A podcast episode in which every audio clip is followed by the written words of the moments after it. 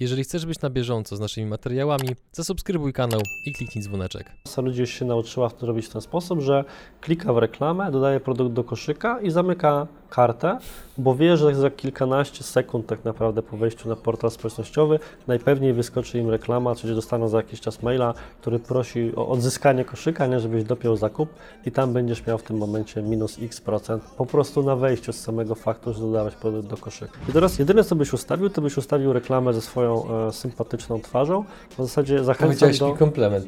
To jest, poczekaj, celebrujmy tę chwilę.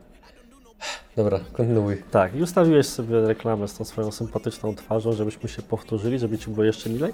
I teraz e, ta reklama będzie mnie ścigała przez 3 miesiące, niezależnie od Twojego poziomu sympatyczności, ja Cię bardzo szybko znienawidzę. Partnerami kanału są Evenea. Pomagamy przedsiębiorcom zwiększyć liczbę pozyskiwanych klientów za pomocą technologii i sprawdzonych schematów działania. Eprosument SA. Zainwestuj w słońce. ISOE. Niższe rachunki za prąd dla biznesu nawet o 15%. Onkodietetyka. Wybierz jak żyć z rakiem.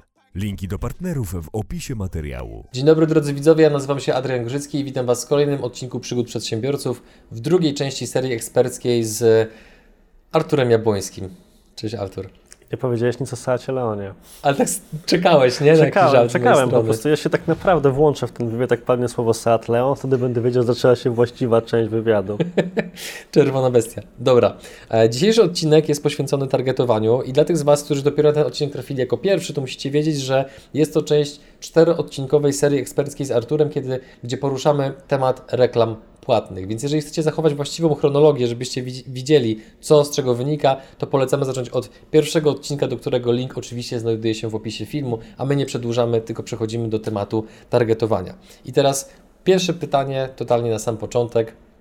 Mówi się, że e, media społecznościowe wiedzą o nas bardzo dużo.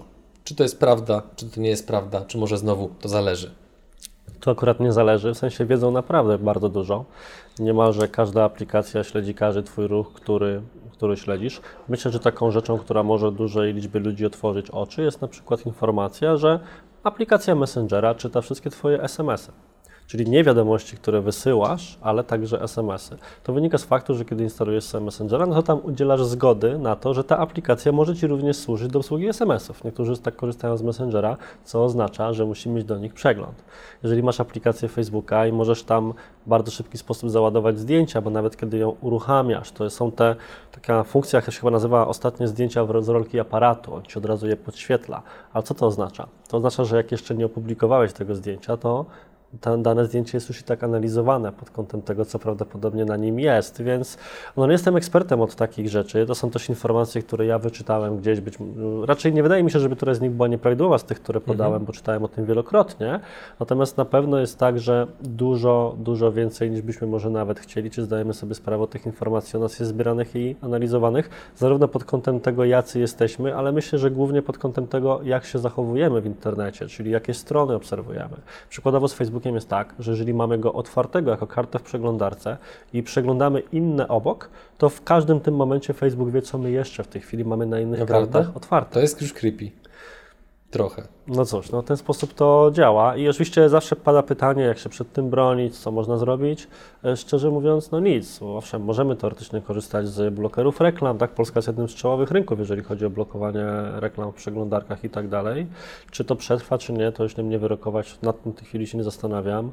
Mm, Chyba by trzeba było się do buszu wyprowadzić. Także ja zawsze sugeruję po prostu pogodzić się z losem i ewentualnie bardzo mocno wchodzić w ustawienia prywatności, które mamy w aplikacjach, żeby ewentualnie przynajmniej część tych informacji, których nie chcemy publikować, wycinać. No jak bardzo precyzyjne targetowanie e, pozwalają obecne systemy reklamowe?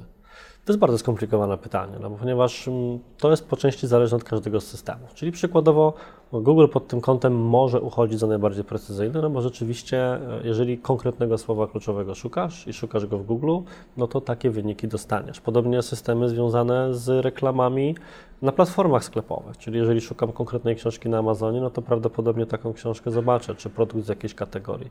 Media społecznościowe również uchodzą za precyzyjne, przynajmniej część, przykładowo LinkedIn, dlatego że jestem w stanie po konkretnych umiejętnościach, stanowiskach zawodowych, firmach, w których ktoś pracuje, kierować reklamy.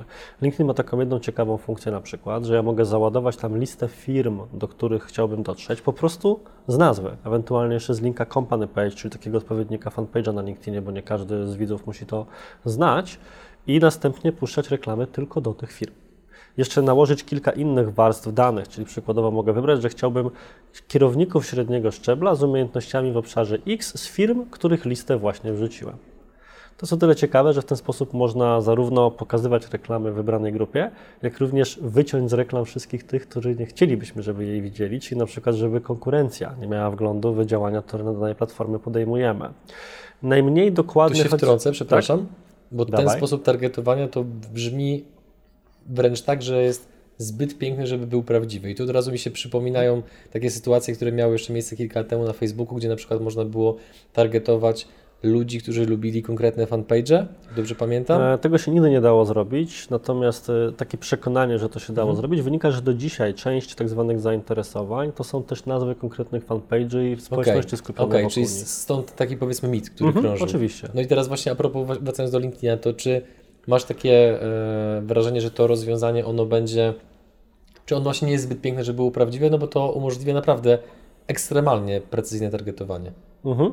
E, to jest zbyt piękne, żeby było prawdziwe. W sensie problem nie jest w tym, czy to się da zrobić, bo to się da zrobić. Problem jest w tym, żeby e, ci ludzie wystarczająco często byli obecni na LinkedInie, żeby na przykład to widzieć.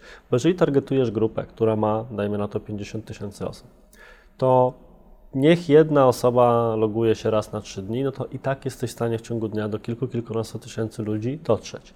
Natomiast jeżeli targetujesz bardzo precyzyjną listę około setki, dwusetki ludzi, to prawdopodobieństwo, że oni będą wystarczająco często eksponowani na Twoje reklamy jest dużo mniejsze, więc cały taki proces w ogóle funkcjonowania tej reklamy bardzo się wydłuża w czasie.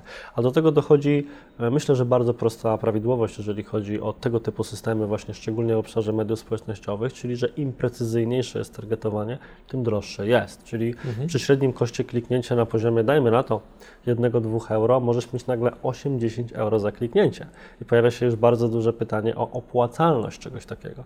To, do czego będę chciał w ogóle przekonać widzów, na przykład w tym odcinku, to że najlepszym metodą e, dobierania grupy docelowej, ergo targetowania, bo tak to możemy nazwać inaczej, jest targetowanie, ja na to mówię na szkoleniach, tak średnio ani za precyzyjnie, bo to ci właśnie rodzi wszystkie problemy, o których mówiliśmy, ani za mhm. szeroko, bo wtedy algorytm zwariuje, co pewnie sobie jeszcze poruszymy, ale wystarczająco średnio, żeby algorytm miał jak ci pomóc i, i tak dotrzeć do sporej części właśnie tej grupy, na której ci zależy. To ja spróbuję teraz takie zadać troszeczkę pytanie, być może pod włos, bo mm, przygotowując się do wywiadu i zresztą jakby czytając na bieżąco to, co publikujesz, czy newslettery, które właśnie wysyłasz, to mm, często spotykałem się ze stwierdzeniem, że targetowanie nie działa.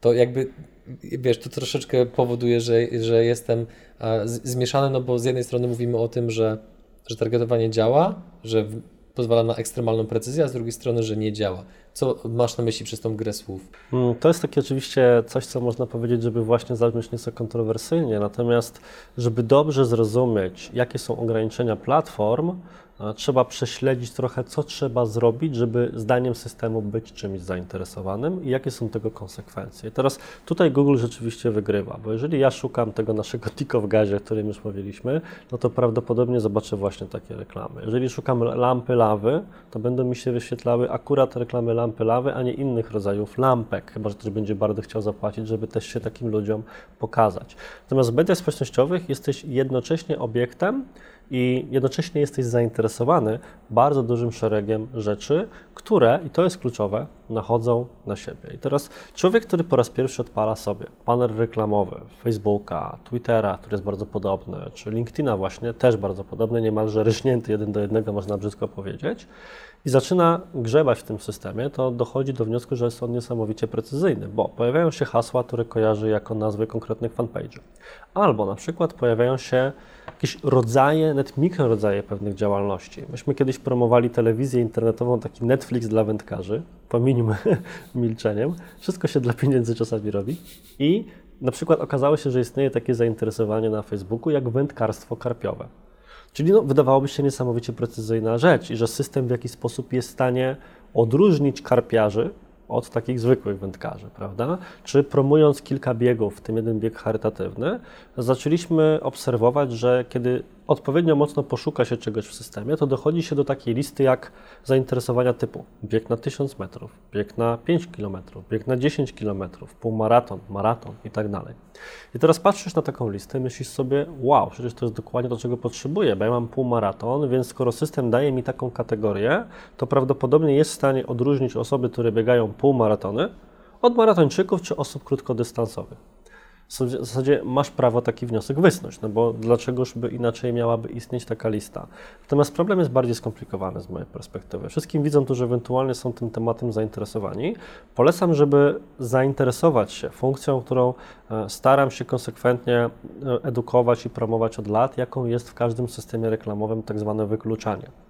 To, na co taka funkcja pozwala, to ona pozwala Ci e, usunąć z Twojej grupy docelowej jakieś osoby, które miałyby w niej nie być.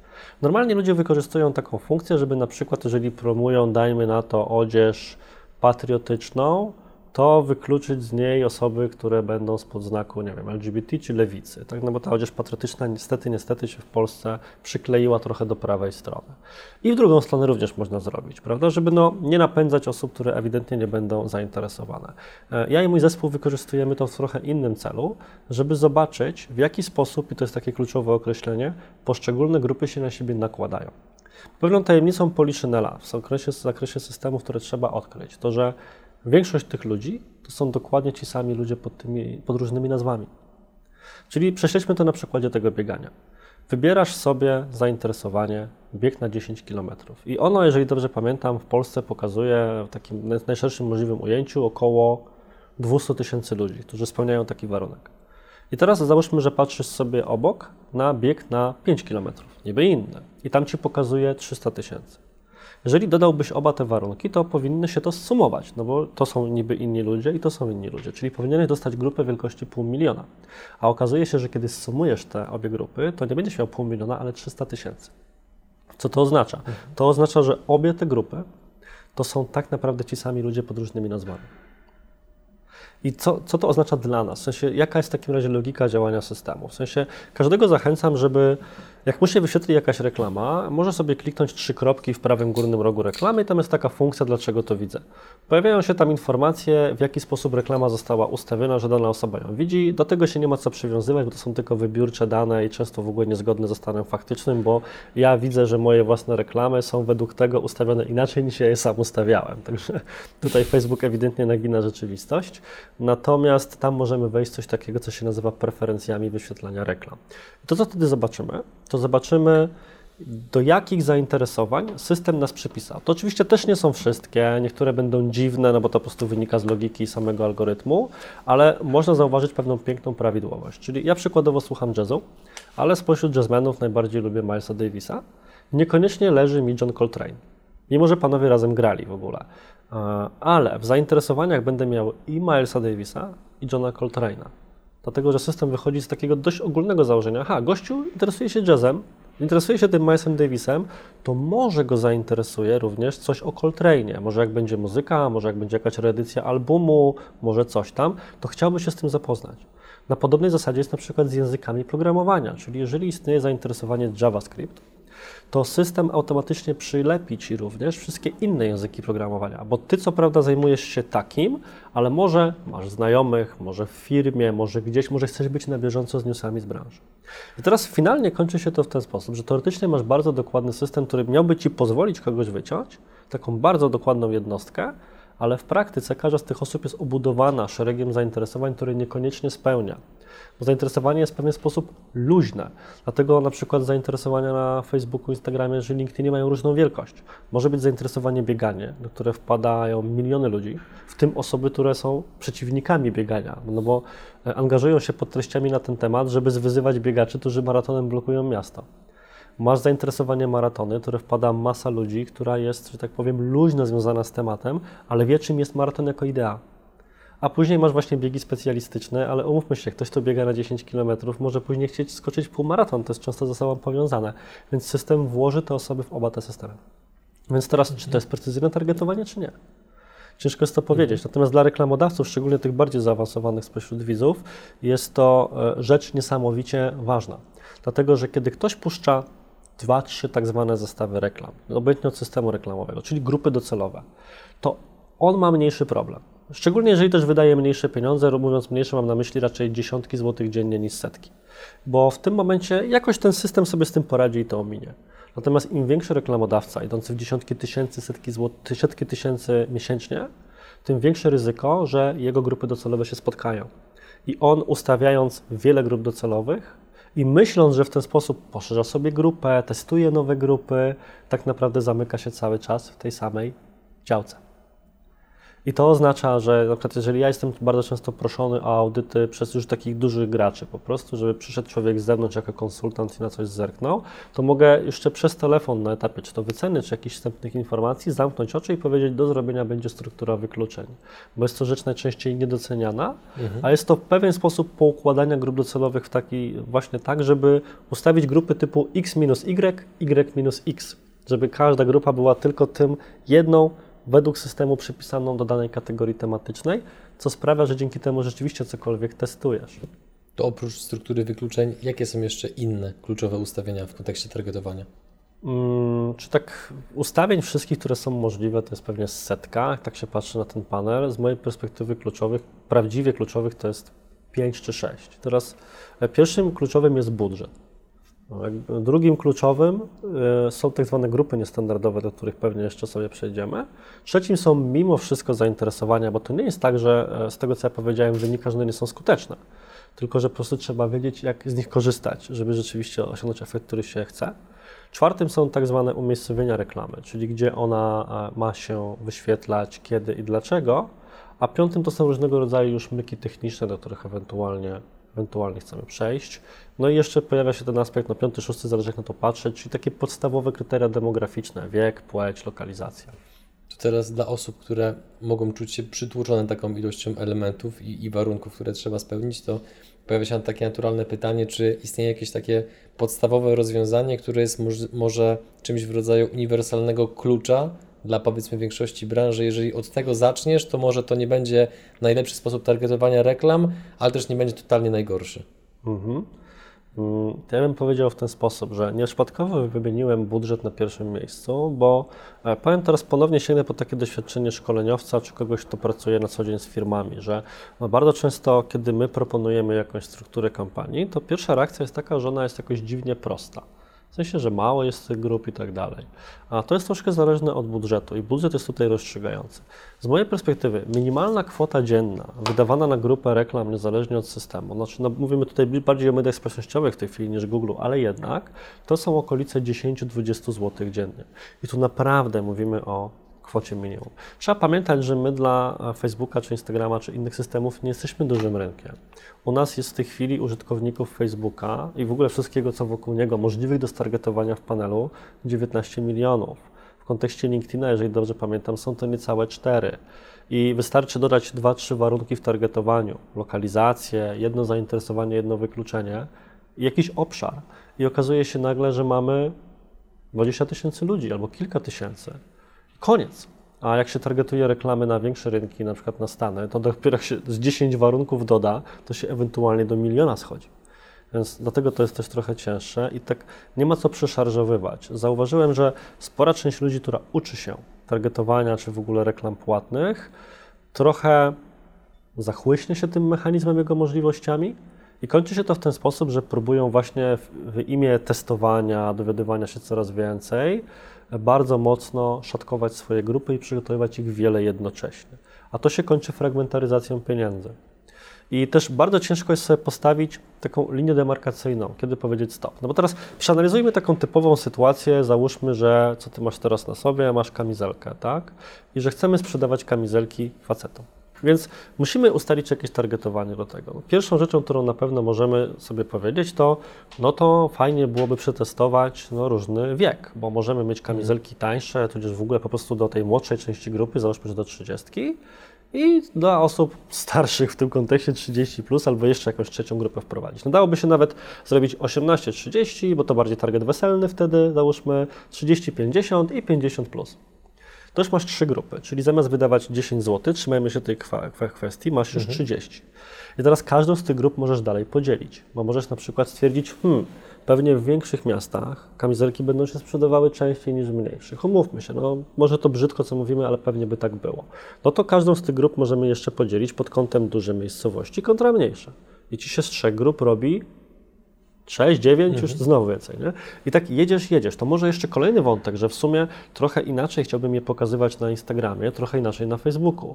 Znowu razy dwa. Już masz tam 18 grup docelowych i wydajesz 180 zł zamiast 10. I teraz, jak człowiek próbuje wymyśleć, pod jak wieloma kątami byłby w stanie swoje grupy docelowe podzielić, to ten proces nie ma końca. I wtedy jest taka bariera typu, że kurde, to tu jest takie narzędzie, które mi daje takie możliwości, a ja nie wiem, co z tym zrobić, albo mam za mało pieniędzy, żeby z tego skorzystać. A tymczasem trzeba się cofnąć do metody działania algorytmu.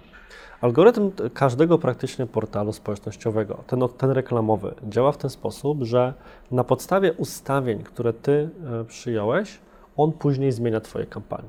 Czyli to, co Ty wprowadzisz do systemu, to nie jest tak, że to nie jest ważne, ale to jest zaledwie punkt wyjścia. I w zakresie RAM, które Ty wyznaczysz, algorytm może później dokonywać zmian, jak mu się podoba. Czyli jeżeli ja ustawię grupę docelową w trochę prostszy sposób, 20, 40 mężczyźni i dajmy na to zainteresowanie, tam jakaś męska elegancja czy cokolwiek. To jeżeli system zauważy, że częściej klikają w reklamę osoby z Warszawy, to będzie ją częściej wyświetlał w Warszawie. Jeżeli zauważy, że częściej osoby po 30, to będzie ją częściej wyświetlał tej grupie wiekowej. A jeżeli zauważy jeszcze, że ta reklama lepiej się klika na Instagramie niż na Facebooku, to też przesunie, bez pytania mnie o zgodę, bez informowania i tak te pieniądze właśnie w kierunku Instagrama, czyli on mi w tym momencie pomaga. I to jest na przykład algorytm, z którym ciężko wygrać. I naprawdę działający fantastycznie. Podam Ci na przykładzie. My pracujemy z dużym sklepem odzieżowym, który wydaje miesięcznie około 80 tysięcy złotych na reklamę. I teraz nie wiem, czy kojarzysz reklamy na Messengerze. Mhm, Jak się odpala aplikacja, jeżeli widzowie nie wiedzą, to polecam sobie zajrzeć, no to tam między konwersacjami wyświetla Ci się też czasami jakaś reklama. Mhm. Czy te reklamy sprzedają, jak myślisz? Nigdy jeszcze nie kliknąłem, więc jeżeli miałbym patrzeć tylko przez pryzmat swoich działań, no to miałbym wątpliwości. Mhm. Ja miałem bardzo podobne, w sensie zawsze miałem takie podejście, że e, pewne rodzaje, e, jakby to powiedzieć, czynności wykonywanych na komórkach są bardziej zadaniowe niż inne. Czyli jeżeli ja odpalam sobie Instagrama, to jestem w takim trybie, pooglądam sobie, ale jeżeli odpalam Messengera, to raczej wchodzę, żeby coś do kogoś napisać mhm. albo na coś odpowiedzieć, więc nie jestem w takim trybie, że nagle coś mnie do tego odwiedzie. Czyli moje założenie było, że reklamie na Messengerze będzie mnie ciężej wyrwać z takiego trybu, że coś chcę zrobić, żeby przekonać mnie do zakupu. Bo ja tego teraz nie szukam i chcę coś zrobić konkretnego. I bardzo długi czas wyłączałem umiejscowienie reklamy Messenger ze swoich kampanii, wychodząc z założenia, że no ja wiem lepiej od systemu, co się będzie sprzedawało. A potem mówię, e, dobra, dajmy szansę, niech się Facebook i Instagram same wykażą. I w kontekście umiejscowienia, które wymieniliśmy sobie na naszej liście, jest taka możliwość, żeby to system za ciebie dobierał właśnie, gdzie reklama ma się wyświetlać, czy na komórkach, czy na mhm. komputerach, czy na Messengerze, czy gdzieś indziej. I okazało się, że Messenger jest trzecim najlepiej konwertującym źródłem i zakupy z tego miejsca w kontekście w konkretnych grupach docelowych, których jest wiele, idą w setki. Czyli, że bardzo ciekawa tak, obserwacja. Po aplikacji mobilnej Facebooka, która zawsze wiedzie prym w tym zakresie, uwaga, nawet Messenger sprzedaje więcej niż Stories, gdzie Stories obecnie uchodzi za taki świetny format reklamowy i dużo osób o tym mówi. Swipe up.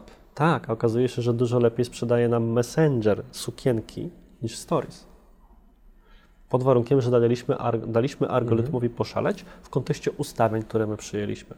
Co nas prowadzi do tego wątku, co powiedzieliśmy wcześniej, że naszą rolą jako reklamodawcy jest skorzystać z własnej inteligencji i pomocy sztucznej. W tym zakresie, że jeżeli byśmy poszli po bandzie, i stwierdzili, dobra, ja mam taką grupę wszyscy Polacy, nie wiem, sprzedaję mydło i każdy powinien używać tego mydła, to ustawię sobie grupie 18-65 i niech idzie. To bardzo szybko by się okazało, że po prostu system przyjmie dwie skrajne wartości i na przykład będzie pokazywał osobom bardzo młodym te reklamy, które niekoniecznie będą chciały to przez internet teraz kupować, dlatego że on, ich jest dużo, one się dużo angażują, będą komentowały, klikały z ciekawości. Łatwo sobie w tym momencie pogrążyć kampanię. I to działa wtedy, kiedy właśnie algorytmowi damy za szerokie ramy. Ale teraz na przykład, jeżeli ja bym ustawił właśnie tylko Facebook, tylko komputer, konkretne jedno zainteresowanie i trzy miasta, to mnie się będzie wydawało, że zrobiłem dobrze, no bo Mhm. przecież wykonałem tę pracę, przyłożyłem się niesamowicie mocno, tylko nie dałem algorytmowi żadnego pola manewru do skonfrontowania moich założeń z twardą rzeczywistością i tym, czy, kto realnie będzie w to klikał. Więc ja zawsze mówię targetuj tak średnio, czyli jeżeli wiem, że bardziej kupują u mnie po 40, to ustawię sobie te 30-50, bo jeżeli rzeczywiście tak będzie, to wtedy te osoby będą klikały i system i tak jakieś 80% tych pieniędzy przesunie w kierunku tego bardziej efektywnego fragmentu mojej grupy. Podobnie z umiejscowieniem. Jeżeli podejrzewam, że Messenger mi się nie sprawdzi, albo prawa kolumna, którą ludzie gardzą, a klika się fantastycznie, to lepiej już zagryźć zęby i na to pozwolić, bo system najwyżej przeniesie te pieniądze gdzieś indziej, a ja nie będę się tym musiał martwić. Ale może się okazać, tak jak w naszym wypadku, że to ten Messenger nagle będzie jednym z koni pociągowych całej kampanii w tym zakresie. A powiedz mi, jak byś się odniósł do tego, bo e, to już kilkakrotnie słyszałem właśnie z Twoich ust, że jeżeli Facebook coś rekomenduje, to że warto zrobić odwrotnie, Mhm. a z tego, co przed chwilą powiedziałeś, to przynajmniej ja rozumiem, że jednak zdarzają się sytuacje, w których Facebook podpowiada Ci właściwie, no bo tak naprawdę w jego najlepszym interesie jest to, żeby Twoje reklamy jak najlepiej działały, no bo wtedy będziesz tych pieniędzy u Facebooka zostawiał więcej. Więc jak, jak, jak, jak byś wytłumaczył? Czy rozumiem, że to Ci się nie spina, bo to jest troszkę zależne od konkretnych funkcji i sytuacji. Czyli przykład Facebook i LinkedIn mają taką e, funkcję, która nazywa się rozszerzeniem targetowania. To jest taki mały pstryczek na Facebooku, nie jest domyślnie zaznaczony, co ciekawe na LinkedInie jest. I to działa w ten sposób, że Ty sobie wszystko ustawiasz, ustawiasz, ustawiasz, a tam jest taka jedna mała linijka tekstu, której możesz nie zauważyć, że tam e, w imię lepszego targetowania pozwalasz e, systemowi na zmianę ustawień, żeby było więcej konwersji. Brzmi? jak spełnienie mokrych snów. Natomiast w rzeczywistości, jeżeli na przykład masz grupę, którą sobie ustawiłeś i będzie ona miała 20 tysięcy ludzi i klikniesz ten pstryczek, to nagle się okaże, że Twoja grupa będzie miała 16 milionów. To oznacza, że system wrzucił tam praktycznie wszystkich. Tak ją pięknie rozszerzył. E, Czyli to jest taka funkcja, która jakbyś taką kampanię puścił, to to nie miałoby absolutnie sensu. Mm, Dobór, na przykład domyślne okno remarketingu też nie jest dobre, bo domyślnie system przyjmuje zawsze wszystkie osoby, które odwiedziły witrynę w ciągu ostatnich 30 dni. Nie bierze pod uwagę na przykład, że czasami warto jest wykluczyć ruch ze strony głównej, bo trafia tam sporo ruchu przypadkowego, który nie zagłębia się szerzej. To jest szczególnie kluczowe w B2B. Wszedłem i wyszedłem, a dopiero ktoś to przeglądał, jakieś zakładki jest dla mnie wartościowe. Albo, że w sklepie internetowym największa para powinna iść na pierwszych kilka dni i ktoś chce móc rządzić budżetem na tych kilka pierwszych dni. Więc to są takie rzeczy, gdzie lepiej właśnie zrobić na odwrót niż te oficjalne rekomendacje. Ale no, coraz częściej też się pojawiają usprawnienia w algorytmie, które sprawiają, że pewne funkcje rzeczywiście są ciekawe i nie warto z nimi wygrywać. I z mojej perspektywy, w większości budżetów, na których mam okazję pracować, a to jest przedział od kilku tysięcy do kilkuset już tysięcy złotych w skali miesiąca, automatyczne umiejscowienia na przykład wygrywają. Czyli często jak ludzie ze mną rozmawiają, to wychodzą z założenia, że aha, to pewnie Facebook Instagram to to jest tak, że tam działają inne rzeczy. A to jest jeden system, który się w ogóle odpala z tego samego narzędzia, którym jest menadżer reklam. I ja już na tym etapie nie widzę powodu, żeby próbować sztucznie samodzielnie wygrywać z tym, z tym, co mi system podpowiada, chyba że mam w tym ukryty cel. Na przykład, że chcę puścić reklamę konkretnego rodzaju tylko na Instagram Stories, bo jest to jakiś zaplanowany przeze mnie styl komunikacji. Ale w momencie, kiedy po prostu chcę puścić banner typu kup pan kieckę, to nie chcę podejmować arbitralnie decyzji, gdzie on ma hulać, bo wiem, że system zrobi to lepiej za mnie.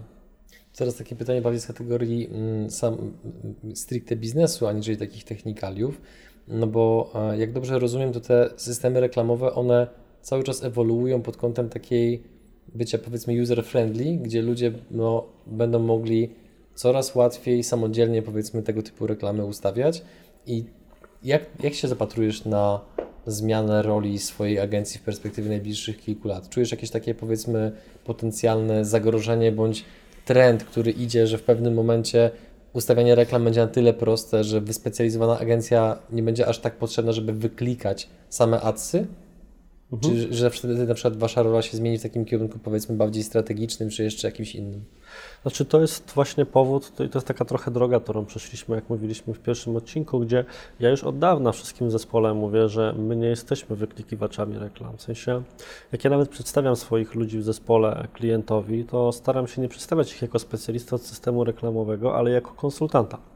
I każdemu w zespole nawet mamy taką tradycję, że ja wysyłam raz w tygodniu mailing od CEO z jakimś takim przemyśleniem ogólnofirmowym i jeden był poświęcony właśnie temu zagadnieniu, że nie jesteś adsowcem, jesteś konsultantem, bo siłą rzeczy y, oczekuje od Ciebie klient wsparcia w szeroko rozumianym marketingu i musisz mieć to pojęcie. Poza tym ciężko mi sobie wyobrazić, żeby być osobą efektywną w zakresie tworzenia płatnych reklam, nie mając jednocześnie wiedzy w zakresie tego, jak się zachowują ludzie, jak oni kupują, jak działają mechanizmy reklamy w danym segmencie, e, jak się operuje językiem korzyści, jak się zbija obiekcje i wszystkie takie aspekty, które pewnie będziemy jeszcze poruszali chyba w kolejnym odcinku.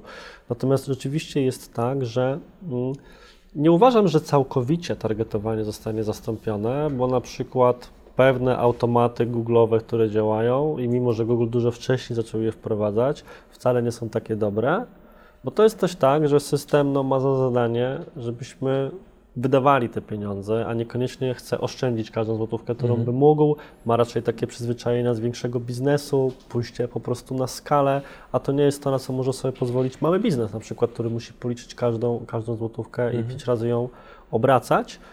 Ale rzeczywiście uważam, że tak jak jeszcze parę lat temu, na przykład na Facebooku, tym co działało głównie, to było takie mega dokładne targetowanie i tak się robiło, tak teraz są nawet sytuacje, gdzie można całkowicie oddać cugle systemowi pod warunkiem, że mamy dobrze załatwioną właśnie za drugą stronę, o której mówiłeś. Mhm.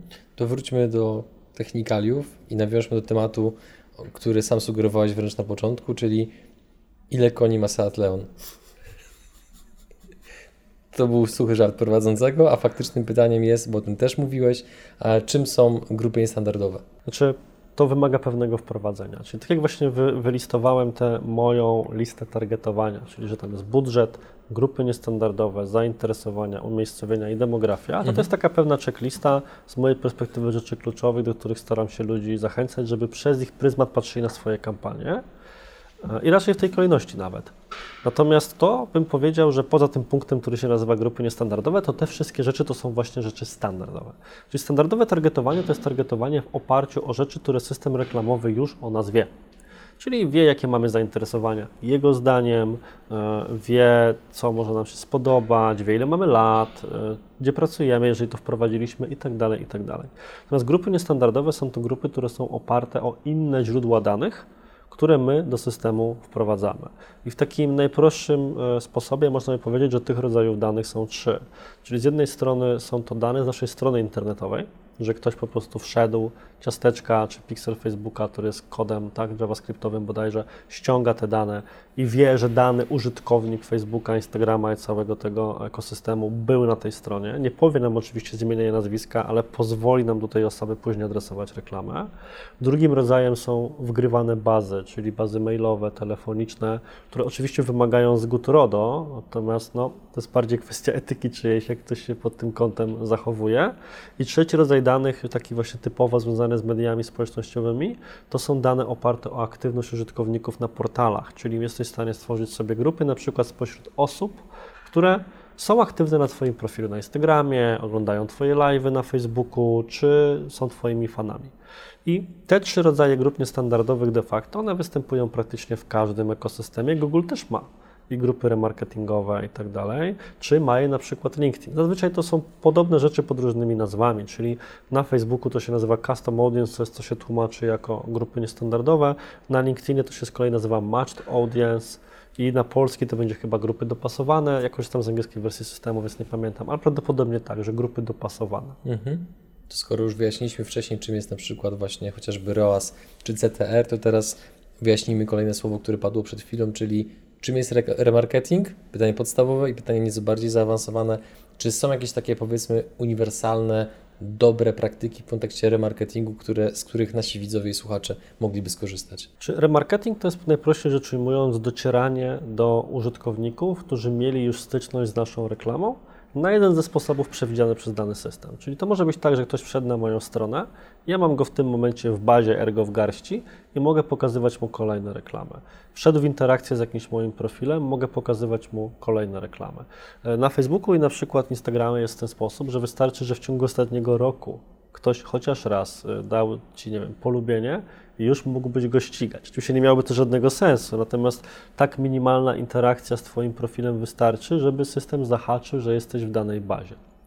E, Więc tak można powiedzieć, że działa remarketing. Natomiast jeżeli chodzi o to, jakie są polecane praktyki, no to uf, to byłby niemalże e, materiał nawet na osobny odcinek. Natomiast to, do czego chciałbym zachęcić, to jest kilka pewnych rzeczy, które e, wypracowałem, staram się stosować od lat. Pierwsza sprawa to byłoby sekwencjonowanie komunikatów. Czyli e, postaw się w sytuacji typowej osoby, która przegląda sobie w Google czy na Facebooku jakieś rzeczy i na przykład szukasz sobie pralki. Raz odwiedziłeś Euro RTV AGD, przejrzałeś tam dwie pralki, teraz te dwie pralki ścigają Cię przez pół internetu przez najbliższych kilka miesięcy. E, Masz tego w bardzo krótkim czasie dosyć i nawet nie dlatego, że coś masz do tej konkretnej pralki, tylko że komunikat się nie zmienia.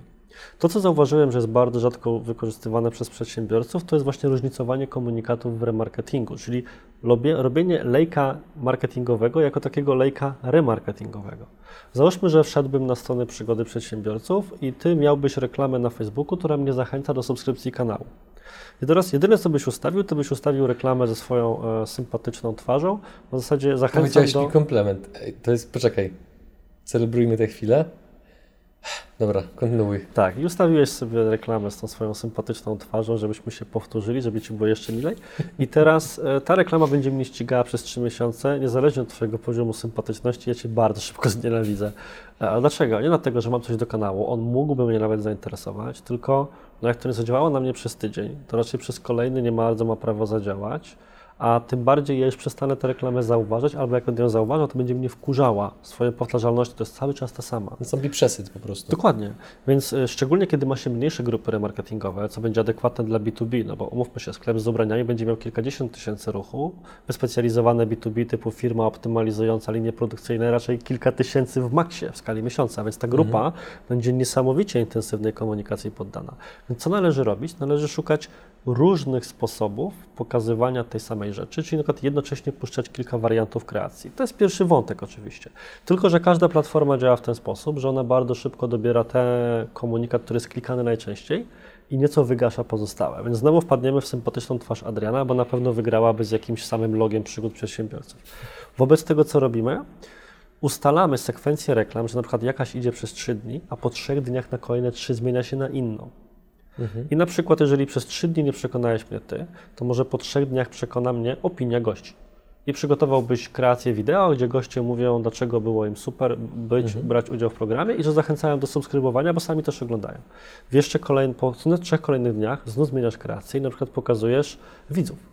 Jeszcze kolejne trzy dni pokazujesz na przykład komentarze, które mówią, że przygody przedsiębiorców zmieniły czyjeś życie i tak dalej.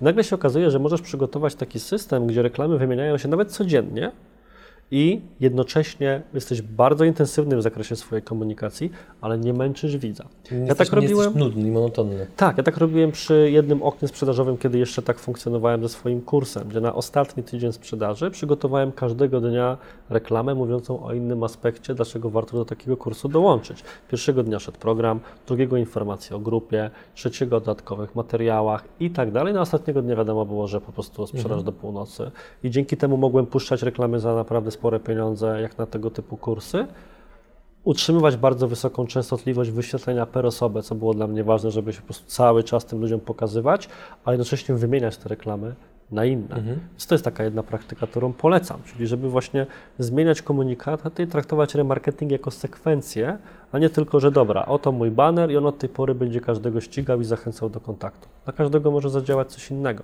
A jesteśmy w stanie jakkolwiek oszacować mm, na bazie chociażby tych pralek, o których wspomniałeś, jaka jest różnica w efektywności jednej reklamy, która jest wyświetlana cały, cały czas ta sama przez tydzień versus, że codziennie jest wyświetlana inna? Jakby, czy, czy, chodzi mi o, o to, czy e, efektywność w różnicach między tymi reklamami jest taka bardzo ewidentna na zasadzie, że jak zrobisz sekwencjonowanie, to jest bardzo, bardzo duże prawdopodobieństwo, że skuteczność tych reklam wzrośnie, czy raczej to jest na takiej zasadzie, że to zależy na dwoje babka Jest to wróżyła? bardziej na zasadzie to zależy, w sensie niestety przewidywalność e, wyników bez doświadczenia danej kategorii branżowej jest w ogóle w mediach społecznościowych czy w reklamach płatnych trudna, nawet kiedy ma się dwa podobne e, rzeczy. My mamy takie sytuacje, gdzie mamy dwa osiedla, które reklamujemy, mamy przedzielone niemarżem jedzą i każdym inne reklamy są chętnie klikane. Na jednym Mhm. bardziej klikają się zdjęcia przykładowych mieszkań, w sensie tych gotowych, tak, do poka- pokazowych, a na drugim wizualizacja budynku z zewnątrz. Bo po prostu tak odbiorcy reagują, mimo że grupa docelowa jest ustawiona bardzo podobnie, bo to jest praktycznie osiedle koło osiedla.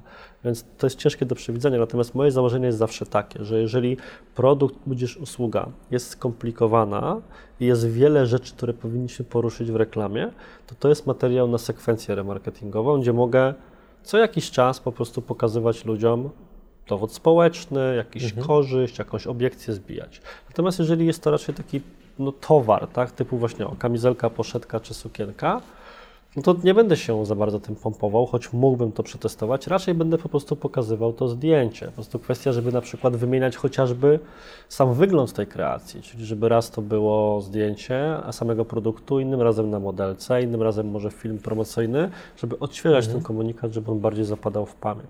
Tu jeszcze takie dwa pytania pogłębiające a propos Mhm. e, remarketingu. Pierwsze, czy jest jakaś taka mm, odgórnie w pewien sposób ustalona, mam na myśli zbadana sekwencja właśnie reklam, że na przykład najpierw powinieneś pokazać zdjęcie produktu, potem powinieneś zbić obiekcję, potem powinien być jakiś społeczny dowód słuszności, potem coś tam, potem coś tam, czy, czy raczej to jest tak na takiej zasadzie, że powinniśmy eksperymentować z kolejnością reklam?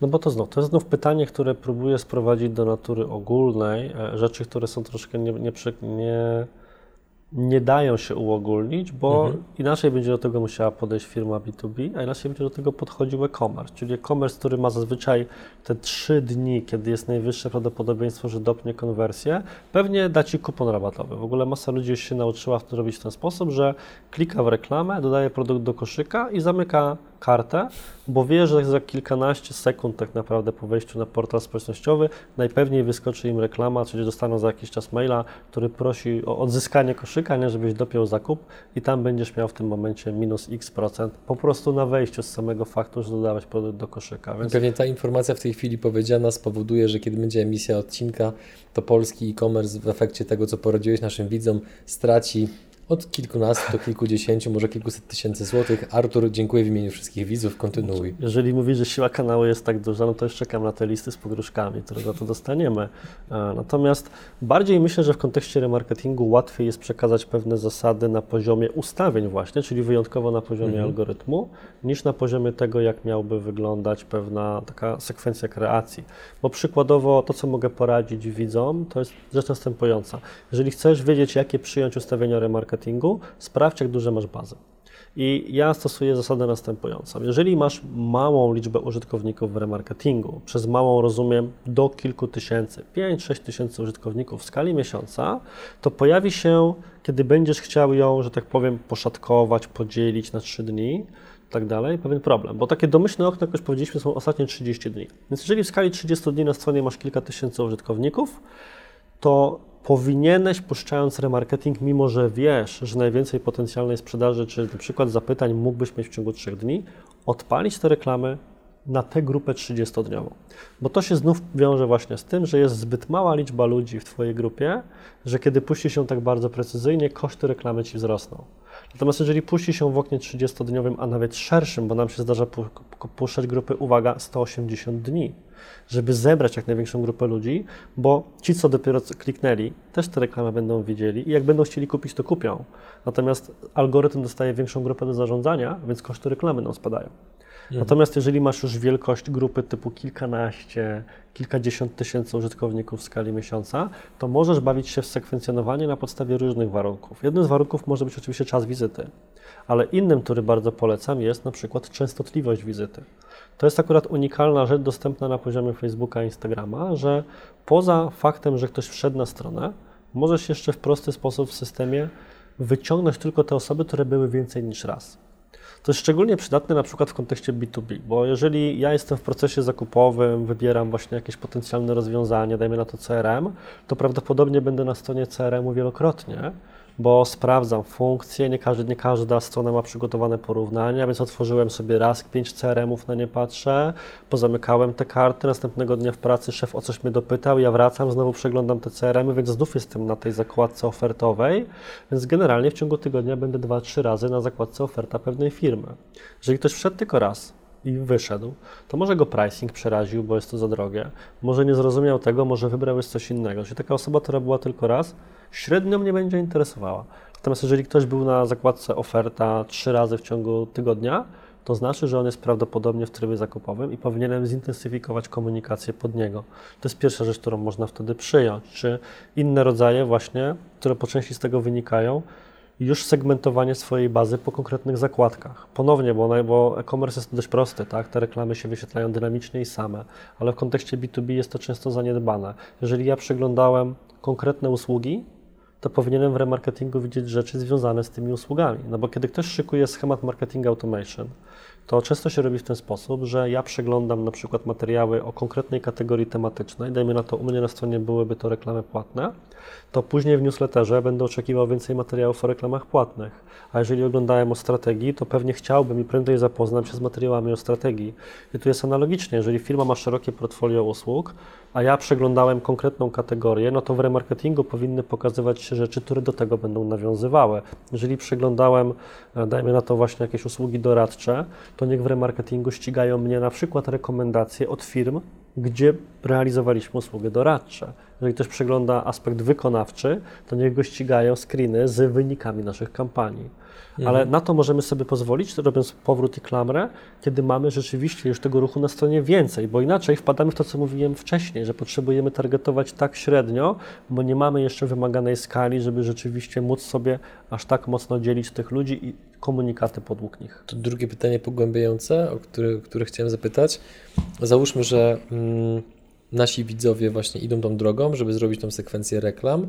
No i w pewnym momencie okazuje się, że przyjmijmy do uproszczenia ten schemat 7 reklam na 7 dni tygodnia, codziennie inna i po pewnym czasie okazuje się, że reklama, która jest puszczana powiedzmy czwartego dnia, konwertuje ponadprzeciętnie dobrze w stosunku do innych reklam. I teraz, czy mm, słusznym jest myślenie, że lepiej pozostałe reklamy wyłączyć, czy jednak powinno się właśnie iść w tym kierunku, że prawdopodobnie pozostałe reklamy właśnie dogrzewały potencjalnego klienta, żeby tego czwartego dnia właśnie podjął decyzję zakupową na tak i żeby te reklamy jednak zostawić, żeby ich nie wyłączać?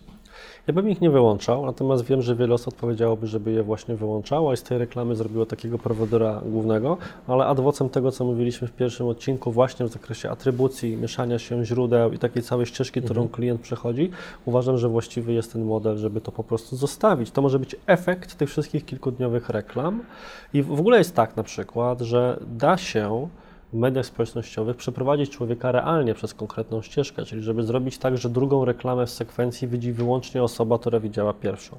To się da zrobić na, na dwa sposoby, to będzie taka bardziej zaawansowana rzecz, żeby też tych widzów ewentualnie e, dopieścić, którzy szukają Oczywiście. takich materiałów. Pierwszą kwestią, najprostszą, którą można to zrobić, są reklamy oparte o wideo. Czyli jednym z rodzajów grup niestandardowych, e, na LinkedInie niedługo również będzie wprowadzona, jeżeli dobrze pamiętam, jest właśnie możliwość kierowania reklam do osób, które obejrzały jakiś fragment wideo. Czyli gdyby na przykład nasz odcinek ukazał się na Facebooku, on pewnie będzie miał około 50 minut, to ja mogę wybrać, żeby osoby, które obejrzały przynajmniej jedną czwartą, były taką osobną grupą docelową. Co to oznacza? To znaczy, że ja mogę wziąć osoby, które wiem, że spodobała im się konkretna część i pokazać im następną a tym, którzy nie oglądali do tego momentu, starać się cały czas pokazać tę pierwszą, no bo chciałbym, żeby przeszli pewien proces, który mhm. próbuję wyjaśnić. Co sprawia, że jesteś w stanie w skali tego tygodnia, przy odpowiednio dużym oczywiście zasięgu ruchu na stronie, przeprowadzać człowieka przez cztery filmy, jeżeli się uprzesz. Da się to również zrobić przez na przykład e, konkretne artykuły. Czyli jeżeli ktoś ma blog firmowy albo pewien opis procesu współpracy, który zakłada odwiedziny kilku podstron po kolei, to mogę zrobić tak, że ludziom, którzy byli na stronie głównej i nigdzie dalej, pokazuję na przykład później, jak działamy. Ja taką podstronę, gdzie też opisuję, jak mhm. wygląda współpraca z daną firmą. Tym, którzy byli tu i tu, pokazuję na przykład e, klientów, czyli jakieś case study, rekomendacje czy cokolwiek. I to nam buduje taką całą ścieżkę wówczas jest pewien problem, że no niektórzy zaburzą tę ścieżkę, bo wejdą sobie na klientów i wylądują w ostatniej reklamie. Natomiast rzecz, o której bardzo mało ludzi w ogóle wie i nie widziałem tego opisanej praktycznie nigdzie poza moim blogiem, bo kiedyś mi się to udało odkryć, to właśnie w kontekście tych zaawansowanych widzów istnieje coś takiego jak linki UTM. Linki UTM to są takie zwykłe linki, do których za pomocą narzędzia Google'owego dobudowuje się pewien fragment, który identyfikuje dla Google Analytics na przykład skąd konkretnie ten użytkownik przyszedł. Najczęściej się spotyka w newsletterach, żeby oznaczyć konkretne kliknięcie konkretnego linku, ale robi, robi się to również w mediach społecznościowych, czy w ogóle innych formach reklamy, żeby wiedzieć, że ktoś przyszedł na przykład z Stories, a nie, że przyszedł z mhm. Facebooka. I teraz to, co o, niewiele osób, że tak powiem, połączy kropki, to że UTM, czyli ta dobudówka do linku, też jest fragmentem linku, który wyświetla się w przeglądarce. A to oznacza, że ja mogę wziąć tylko tę dobudówkę i na jej podstawie zrobić remarketing. I teraz tłumacząc to, żeby stało się e, proste, bo widzę u Ciebie pewną konfuzję nie, w oczach. Ja, ja temat kumam, e, bo moja konfuzja wynika z tego, że ja już sobie po prostu, mówiąc kolokwialnie, kminię, jak, jak my tego użyjemy, nie? Mhm. Kontynuuj proszę. No to jak to w tym momencie działa? Czyli, bo największym problemem w remarketingu tego typu, to kiedy chciałbyś zrobić sekwencję w mediach społecznościowych, to jest to, że nie masz pełnej kontroli nad tym, do kogo to idzie, w sensie na którym etapie on już jest. Bo jeżeli robisz remarketing na podstawie strony ofertowej, to może tam być osoba, która przeszła przez wszystkie materiały, które chciałeś, mhm. ale może też być osoba z Google, która tam wpadła i wypadła. To ci trochę zaburza cały flow komunikacji. A to, co możesz zrobić, to możesz mieć pełną kontrolę nad tym, kto będzie to widział, ponieważ jeżeli przygotujesz dedykowany link, to tylko osoby, które przeszły przez ten link, wpadają w sekwencję. I tym właśnie jest taki UTM. Więc ja sam kieruję na przykład na konkretny artykuł na blogu, z odpowiednią dobudówką, nazwijmy ją UTM etap 1, a później robię grupę nie na podstawie strony Artur Jabłoński, ale na podstawie tego jednego dopisku etap 1. I to mhm. jest możliwe do zrobienia, co oznacza, że buduje mi się grupa ludzi, która przeszła z tego konkretnego źródła ruchu i następnie pokazuje im reklamę, która, jak łatwo się domyśleć, będzie się nazywała później etap 2.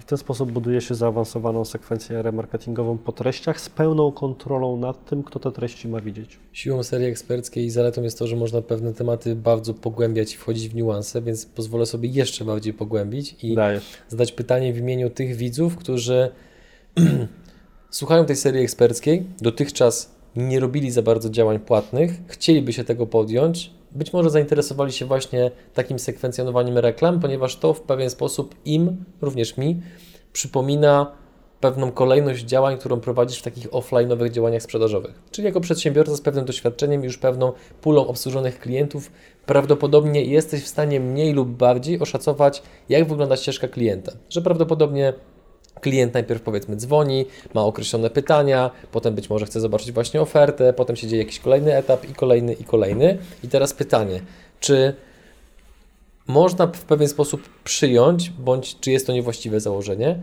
czy można w pewien sposób przyjąć, że sekwencja zdarzeń w świecie offline'owym, która prowadzi do, ostatecznie do sprzedaży, podpisania umowy, pozyskania klienta, to czy taką samą ścieżkę można w pewien sposób przenieść na świat online'owy? Żeby klienta właśnie prowadzić za rękę również tymi poszczególnymi etapami, że na początku są być może najczęściej zadawane pytania, potem opinie klientów, potem być może prezentacja jakiejś oferty i tak dalej, i tak dalej. Tak czy nie? Bądź czy to zależy, a jeżeli zależy, to od czego?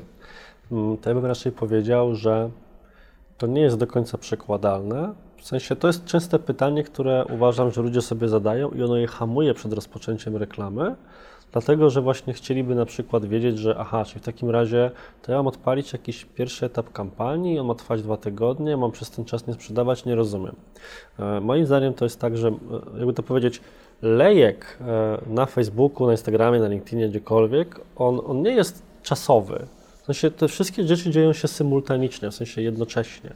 Czyli ja jednocześnie odpalam reklamy, które mają za zadanie sprzedawać od razu reklamy, które mają za zadanie zbijać obiekcje na przykład i reklamy, które mają za zadanie poszerzać pole walki, jak ja to mówię, czyli pokazywać markę nowym użytkownikom.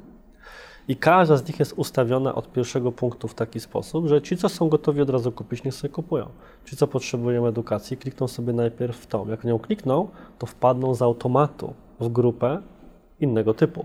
Czyli zazwyczaj robię w ten sposób, że odpalam sobie reklamy, które są kierowane do grup niestandardowych i podobnych, o których pewnie jeszcze wspomnimy, zobaczymy jak się odcinek potoczy, mhm. na tych, którzy są najbliżej dokonania zakupu czy decyzji zakupowej oraz puszczam reklamy, które wszystkie te osoby usuwają, czyli wykluczam adwocem tego, co mówiliśmy w pierwszym odcinku bodajże, osoby, które y, y, już jakiejkolwiek styczność z moją marką miały, i puszczam tylko na totalnie nowe osoby takie reklamy, które mają za zadanie budować świadomość mojej marki. Bo jeżeli ktoś wejdzie wówczas na moją stronę, to z automatu w dowolnym momencie przeskoczy do tej grupy. I myślę, że to jest właśnie takie przełożenie tego lejka, ale widzisz, że ono jest ściśnięte. Tak, te wszystkie trzy etapy dzieją się mhm. jednocześnie i uważam, że to jest uwalniające myślenie. To nie jest tak, że robiąc kampanię online'ową musimy ją zaplanować na 6 tygodni, przez 2 tygodnie puszczać reklamy, później podgrzewać bazę i później sprzedawać. Możemy tak zrobić, w wielu miejscach się tak robi, są okna sprzedażowe, to się wydaje takim naturalnym mhm. cyklem i to działa. To nie jest tak, że to nie działa. Są branże czy segmenty, w których to działa, bo zasada ograniczonego dostępu to jest czysta psychologia, tak, po prostu w działaniu. Natomiast są branże, gdzie to się nie sprawdzi, bo na przykład jest sprzedaż ciągła. I to jest na przykład e-commerce, więc możemy oczywiście robić akcje specjalne, Black Friday i budować coś takiego, ale mi zależy na sprzedaży cały czas i ma być cały czas dopływ nowych ludzi i cały czas sprzedaż do tych, którzy już w tej bańce są. Więc trzeba wtedy ustawić mhm. takie kampanie jednoczesne. Dlatego tak ważna we wszystkich ekosystemach reklamowych, czy to jest Google, czy to jest Facebook, czy LinkedIn, jest tak zwana struktura konta. Czyli ludzie myślą o kreacji, ludzie pomyślą o tych innych zmiennych, o których mówiliśmy, ale jeszcze jest ten aspekt tego, jak to poukładać, biorąc pod uwagę logikę systemu, że te wszystkie rzeczy muszą na przykład iść jednocześnie. To biorąc pod uwagę to, co już niejednokrotnie tutaj wybrzmiało, czyli że systemy reklamowe różnią się między sobą chociażby tym, że część systemów ma takie e, zastosowanie bardzo intencjonalne, kiedy czegoś szukamy, inne mają takie bardziej zastosowanie impulsywne, to teraz jak osoba początkująca bądź średnio zaawansowana powinna te wszystkie systemy pogodzić, jak to wszystko połączyć? Czy raczej wychodzić od jednego systemu, w pewien sposób go zrozumieć i potem eksperymentować z drugim, czy raczej robić taki troszeczkę nalot dywanowy, że zaprzęgamy do działania od razu wszystkie systemy, które są dostępne? Taka droga jest właściwa, hmm. rozsądna? Pytanie jest też trochę inne, czy siadamy z perspektywy na przykład osoby, której biznes już się kręci, ma zebrane dane, jeszcze w miarę dobrze zebrane i jest co analizować, żeby zobaczyć na przykład skąd przychodzi do nas ruch, mamy kogo o to spytać, czy raczej jesteśmy tabula rasa, otworzyliśmy sklep, mamy towar i teraz mhm. trzeba by to było sprzedać, ale jeszcze żadnych działań nie prowadziliśmy. Ten drugi scenariusz jest dużo trudniejszy i nie ma po prostu nawyków konsumenckich, których można by się wzorować. Ja zawsze mówię, że dla mnie idealnym klientem jest klient, który przychodzi i ma sklep internetowy internetowy, który już sprzedaje z organika, w sensie z wyników bezpłatnych, bo to oznacza, że jego model biznesowy jest zwalidowany. Ludzie go już znajdują mhm. i kupują, czyli i sklep działa, i system działa, i to, co sprzedaje klient, prawdopodobnie wysyła i rzeczywiście to nie jest jakiś ściema biznes, bo ci ludzie to mają, mają jakieś dobre opinie. I teraz moim zadaniem jest trochę zwiększyć jego skalę a dużo większe wyzwanie stoi przed osobą, która zaczyna i musi trochę zrozumieć w ogóle, czy, czy ludzie to kupią, czy to im się spodoba, czy będą chcieli z tego, z tego korzystać.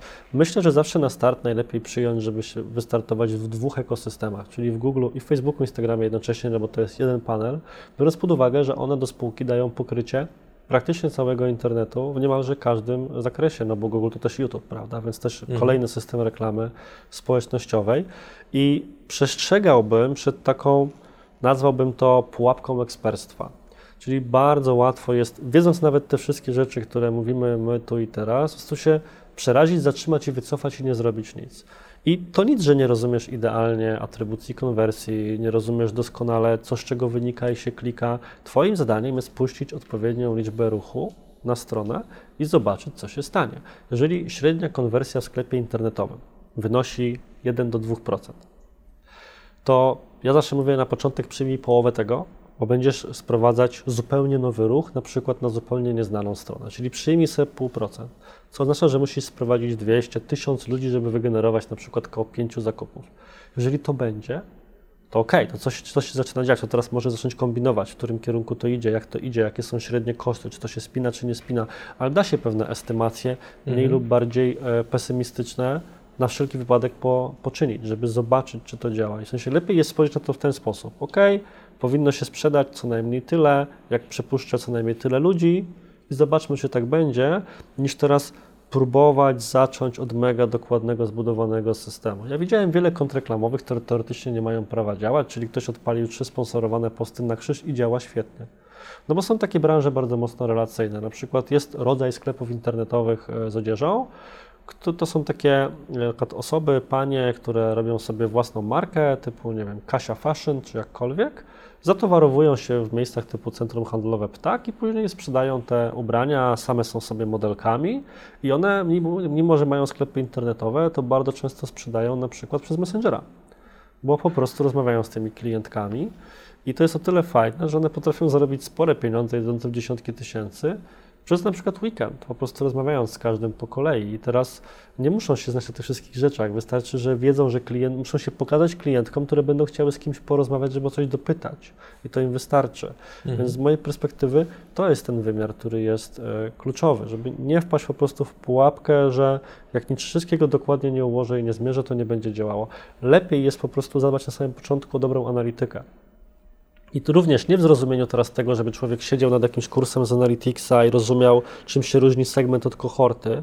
Już naprawdę można sobie dać spokój z tym na początek, ale bardziej o to, żeby wszystkie dane, które się zbierają, zbierały się w prawidłowy sposób, dlatego że każdy z ekosystemów reklamowych, czy Google, czy Facebook, czy Instagram, czy LinkedIn, on korzysta z zebranych danych, czyli jeżeli on nie zbiera danych na temat tego, kto kupuje i czy się w ogóle sprzedaje, to nie ma na jakiej podstawie optymalizować reklam. Bo do tego sprowadzają się też cele reklamowe, o których mówiliśmy wcześniej. Jeżeli ja wybiorę cel reklamowy ruch, to system zrobi wszystko, żeby dowieść mi jak najwięcej ruchu, ale nie patrzy, co dzieje się z tym ruchem dalej. Jeżeli ja już mam cel, jakąś formę konwersji czy aktywności na stronie, to każda osoba, która na tę stronę wejdzie, jest analizowana pod kątem tego, czy to zachowanie spełniła. I na tej podstawie później system sam poprawia już ustawienia bezpośrednio których ja nawet nie przewidziałem, a dałem mu pole do manewru, ustawiając reklamę zgodnie z naszą polityką tak średnio. Więc ważne jest, żeby wszystkie rzeczy mieć dobrze wgrane, tak zwane piksele, tak zwane zdarzenia konwersji, żeby każda akcja kluczowa na ścieżce zakupowej klienta była przez każdy z systemów społecznościowych mierzona, bo czy to Twitter, czy to LinkedIn, czy to Google, są specjalne kody, które temu służą.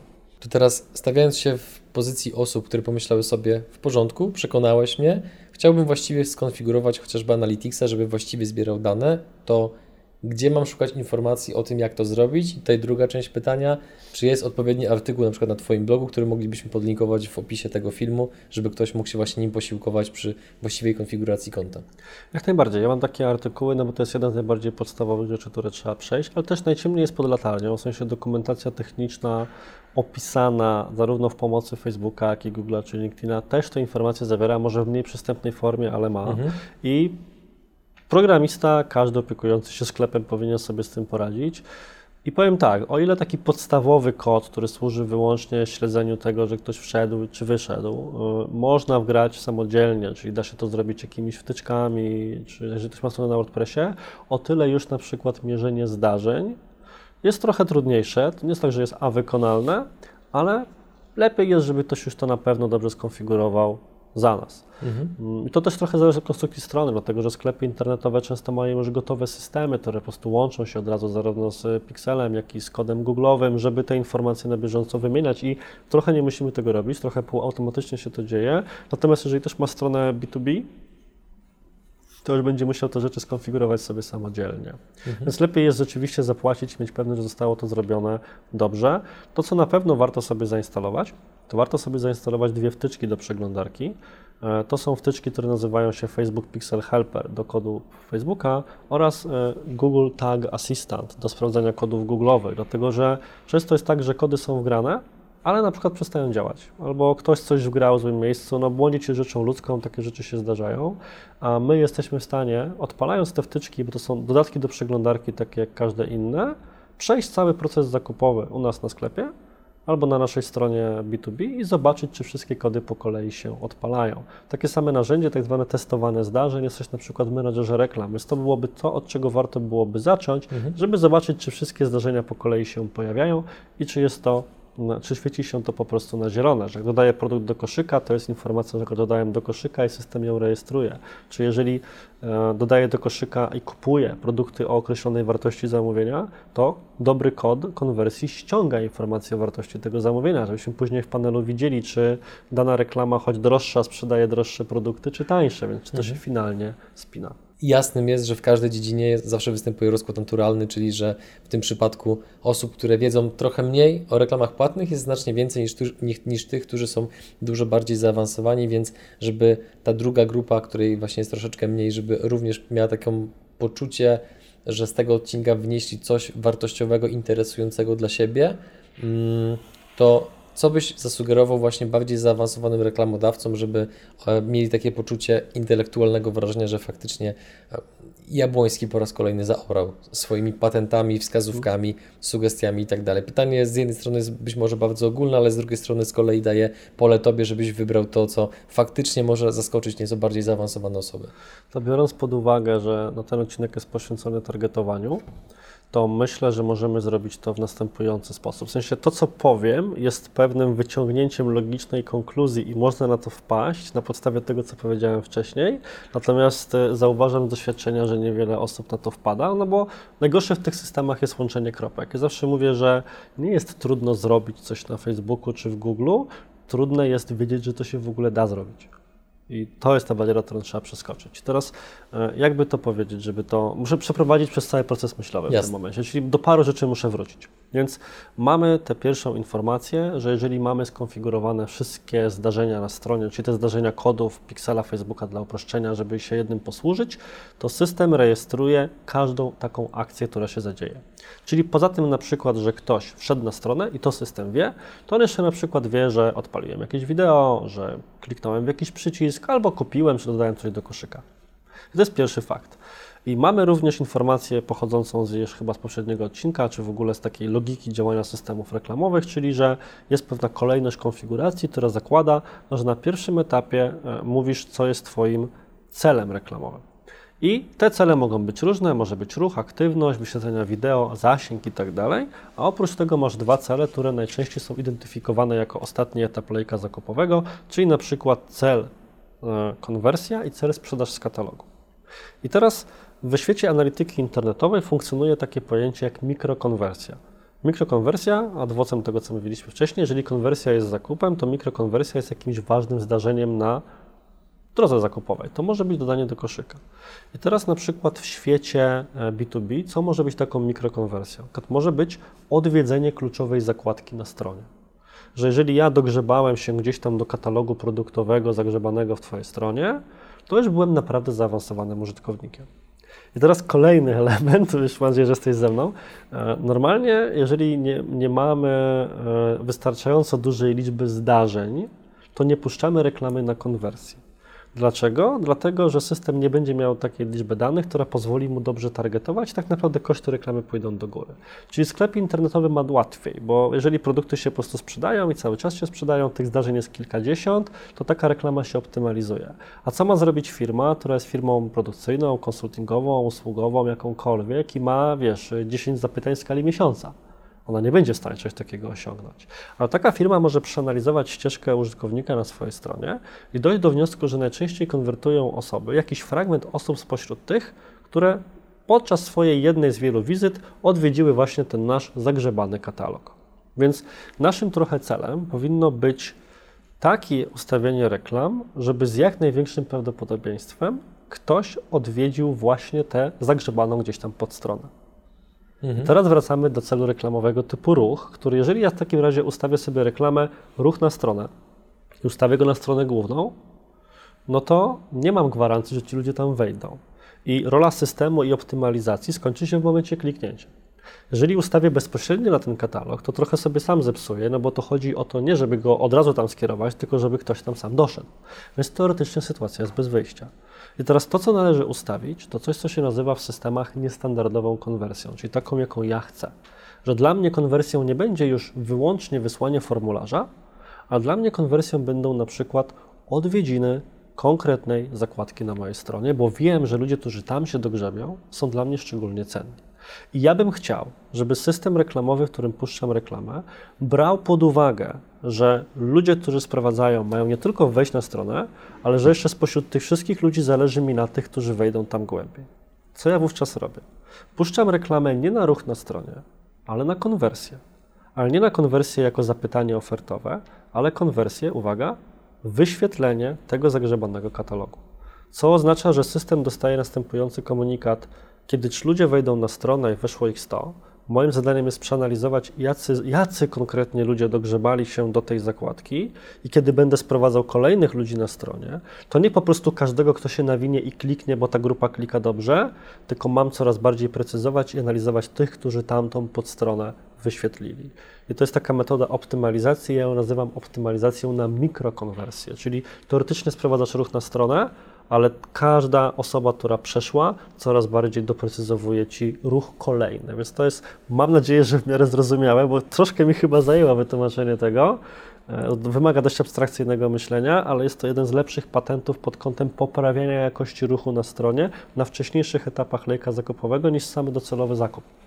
Wyobrażam sobie, że gdyby była taka funkcja na YouTubie w analityce, że możesz zobaczyć, który fragment filmu był najczęściej przewijany, to chyba w tym odcinku myślę, że to byłby faworyt. I wyobrażam sobie, że wiele osób, które chcą właśnie a, sprawdzić tę strategię, to prawdopodobnie właśnie siedzi z kartką, długopisem i rysuje sobie bloczki, przewija co Jabłoński powiedział, pis, pisze sobie komentarz, a dopiero potem będą się dali Czy to jest bardzo logiczne, tylko po prostu to jest właśnie ten problem, że trzeba zrozumieć, jak funkcjonuje system, e, co chcemy osiągnąć i połączyć kropki, że jest pewna mhm. funkcja, jeżeli pomyślę o niej przez ten pryzmat, co jest teoretycznie napisane, bądź nawet to wiem, to jeszcze mogę ją wykorzystać trochę wbrew temu.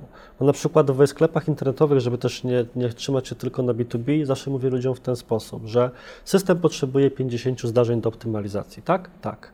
E, nie masz 50 zakupów tygodniowo. No nie. Ale wiesz, co się dzieje? Dużo więcej ludzi dodaje produkty do koszyka niż się kupuje. Więc ustaw reklamę, której celem jest sprzedaż, nie na zdarzenie zakup, tylko na zdarzenie dodania do koszyka. A ludzie, którzy dodają produkty do koszyka, i tak są dla ciebie dużo cenniejszą grupą niż mhm. tylko ci, którzy po prostu wchodzą na stronę. Mhm. Co oznacza, że system będzie miał swoje 50 zdarzeń, które pragnie, a ty samą skalą, którą dzięki temu uda się poprzez ruch zbudować, zaczniesz sprzedawać więcej i sprzedasz się bujnie. Więc to jest też taka rada pod kątem ewentualnie komerców, żeby nie zostawać tylko przy mhm. firmach B2B. Czy masz poczucie, że przy tym odcinku możemy postawić kropkę i powiedzieć, jak swego czasu w bajkach Toma i Jerry'ego ciąg dalszy nastąpi? E, myślę, że tak, ponieważ chciałbym, żebyśmy w kolejnym odcinku, jak będziemy rozmawiali, skupili się też na tym, co troszkę padało przez cały pryzmat i bardzo się cieszę, że tak te pytania się potoczyły, szczególnie te pogłębiające od Ciebie, że same ustawienia to nie jest punkt dojścia. W sensie tak jak widać, mhm. że nawet po tej mojej skróconej liście to nie jest tak, że my, ja, ja, coś schowałem, nie? że tam mamy jeszcze tak naprawdę 15 innych ustawień, ale ja ludziom nie powiem, bo jak im powiem, to sobie to sami zrobią. Ja wychodzę z założenia, że wszystkiego się można nauczyć z internetu, jak ktoś chce, to i tak się tego dowie, mhm. po prostu prędzej czy później, więc e, chciałbym, żeby ludzie wyszli z założenia, że tak, trzeba mieć wiedzę na temat tego, jak to targetowania wygląda. E, są też oczywiście takie rzeczy, które, tak jak te, które podałem teraz na koniec i dziękuję Ci za to pytanie, gdzie mogę się trochę popisać jakimiś elementami i są takie zaawansowane patenty, ale da się bez nich żyć. W sensie to nie jest tak, mhm. że one mhm. są wymagane do sukcesu. Czasami to one o nim zdecydują, ale może być 99 przypadków, że nie będą potrzebne, bo pomoże coś innego, pomoże odpowiedni właśnie pomysł na całą kampanię od strony tego, co ja mam pokazać, bo to, to co pokażę, może pomóc mi stargetować bardziej niż te wszystkie opcje, które rzekomo mają to zrobić. Tu pozwolisz, że ja odcinek zamknę krótkim komentarzem. E, drodzy widzowie, jeżeli macie pytania do tego odcinka, to zadawajcie je proszę w komentarzu pod filmem na YouTubie. W, link, w opisie tego filmu znajdują się linki do pierwszego odcinka oraz do kolejnych odcinków. Niemniej zachęcamy do trzymania się pewnej chronologii publikacji, ponieważ ona spowoduje, że będziecie po prostu za rękę prowadzeni w ciekawym świecie Artura, jeżeli chodzi o reklamę płatną. A ci z Was, którzy jeszcze nie subskrybują na przykład naszego newslettera, a chcieliby na bieżąco mieć informacje o kolejnych odcinkach, to serdecznie zachęcam, żeby to zrobić. Oczywiście standardowo przycisk subskrybuj i koniecznie dołączyć do naszej grupy na Facebooku. Tymczasem my się żegnamy, idziemy się przygotować do kolejnego nagrania. Do zobaczenia w trzecim odcinku serii eksperckiej z Arturem Jabłońskim. Cześć!